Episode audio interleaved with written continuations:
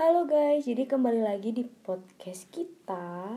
Jadi malam ini tanggal 8 Februari 2021 kita berdua bakal cerita tentang pengalaman paling menyeramkan selama hidup di dunia ini. Tapi salah satu aja ya.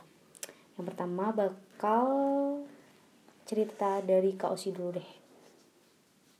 Apa Kak? Kapan? ada ada ada ganti ganti itu aku SD mungkin jadi kan posisinya aku mau ke warung Mm. mau jajan biasa anak kecil itu udah malam sih sekitaran jam 8 atau jam 9 nah posisinya itu rumahku di sini misalnya Mm. terus OTW warung itu tinggal lurus doang sebenarnya cuman di tengah jalan itu ada pohon nangka gede dan itu ada kuburannya Oke, itu kuburan siapa? ya kuburan warga situ aja pokoknya Oke. Itu satu apa banyak?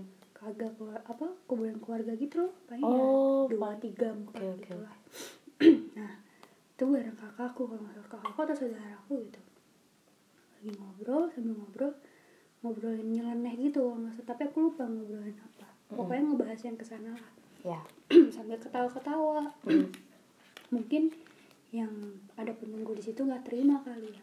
Tiba-tiba itu pas aku lagi jalan tepuk gitu di kepala aku. Ada yang mukul itu loh pas aku lihat biji nangka. Pas aku lihat lagi ke atas ada si mami lagi. Serius? duduk gitu. Loh Bener? iya. Itu kamu relate? Kamu sama kakakmu apa kamu aja? kakakku juga saya kan aku berdua kan. Hmm. aku yang kena pukul di, dipukul puji puji kan tuh. Biji nangka. Puji buat cowok. cewek jadi eh ah itu tadi jam jam delapan sembilan ya pokoknya mau jajan ke warung itu ya udah nggak jadi akhirnya balik lagi Lari kali ya? kabur lah lari ya gimana udah dilempar dikasih lihat Wah. itu sih sama diketawain itu kan aja Kalau pas ditawain pas kapan? lagi di rumah lagi begadang tawain itu udah jam 2 pagi kalau nggak salah lagi ya main HP Itu kamu sendiri?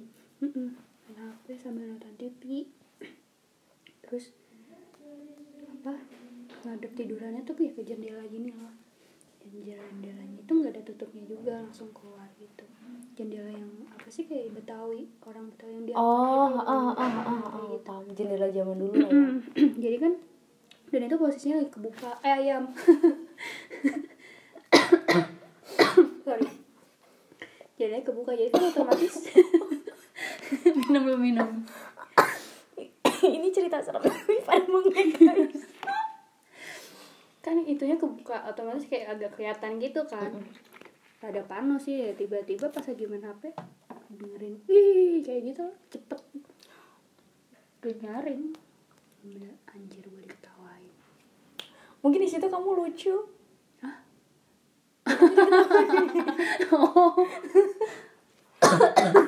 Oh guys, di- jadi ini lagi bengek nih. Jadi aura-aura bengeknya dateng.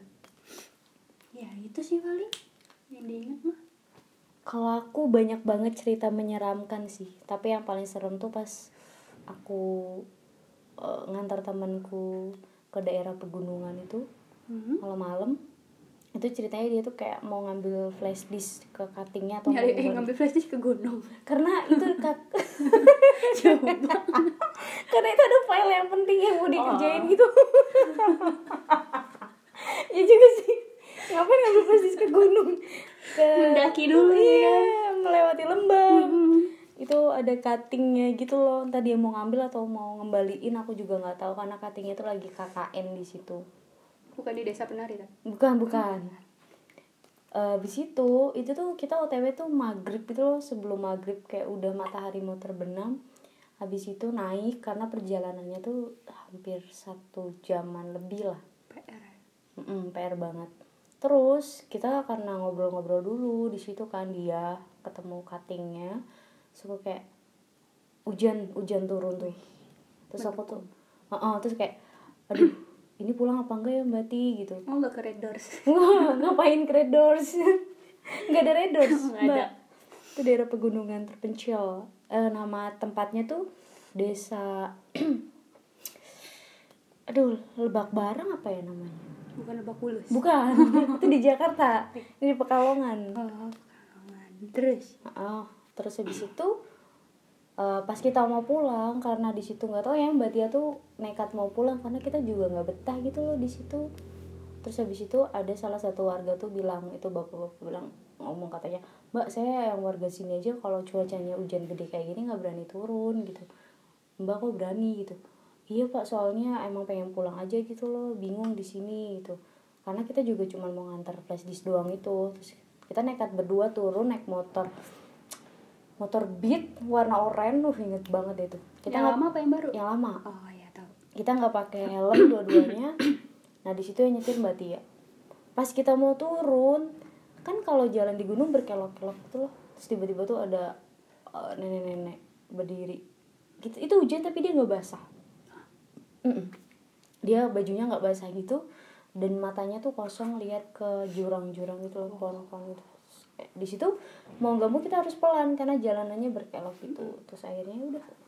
Itu merinding banget dan aku udah kayak mbak Tia aku harus istighfar aja istighfar selawatan itu habis itu ngelewatin pas nyampe turun pas sudah sampai di bawah itu baru mbak Tia baru bilang katanya iya itu memang sosok eh, orang yang itu. Terus aku cerita ke Ayu karena Ayu kan eh, rumahnya di situ.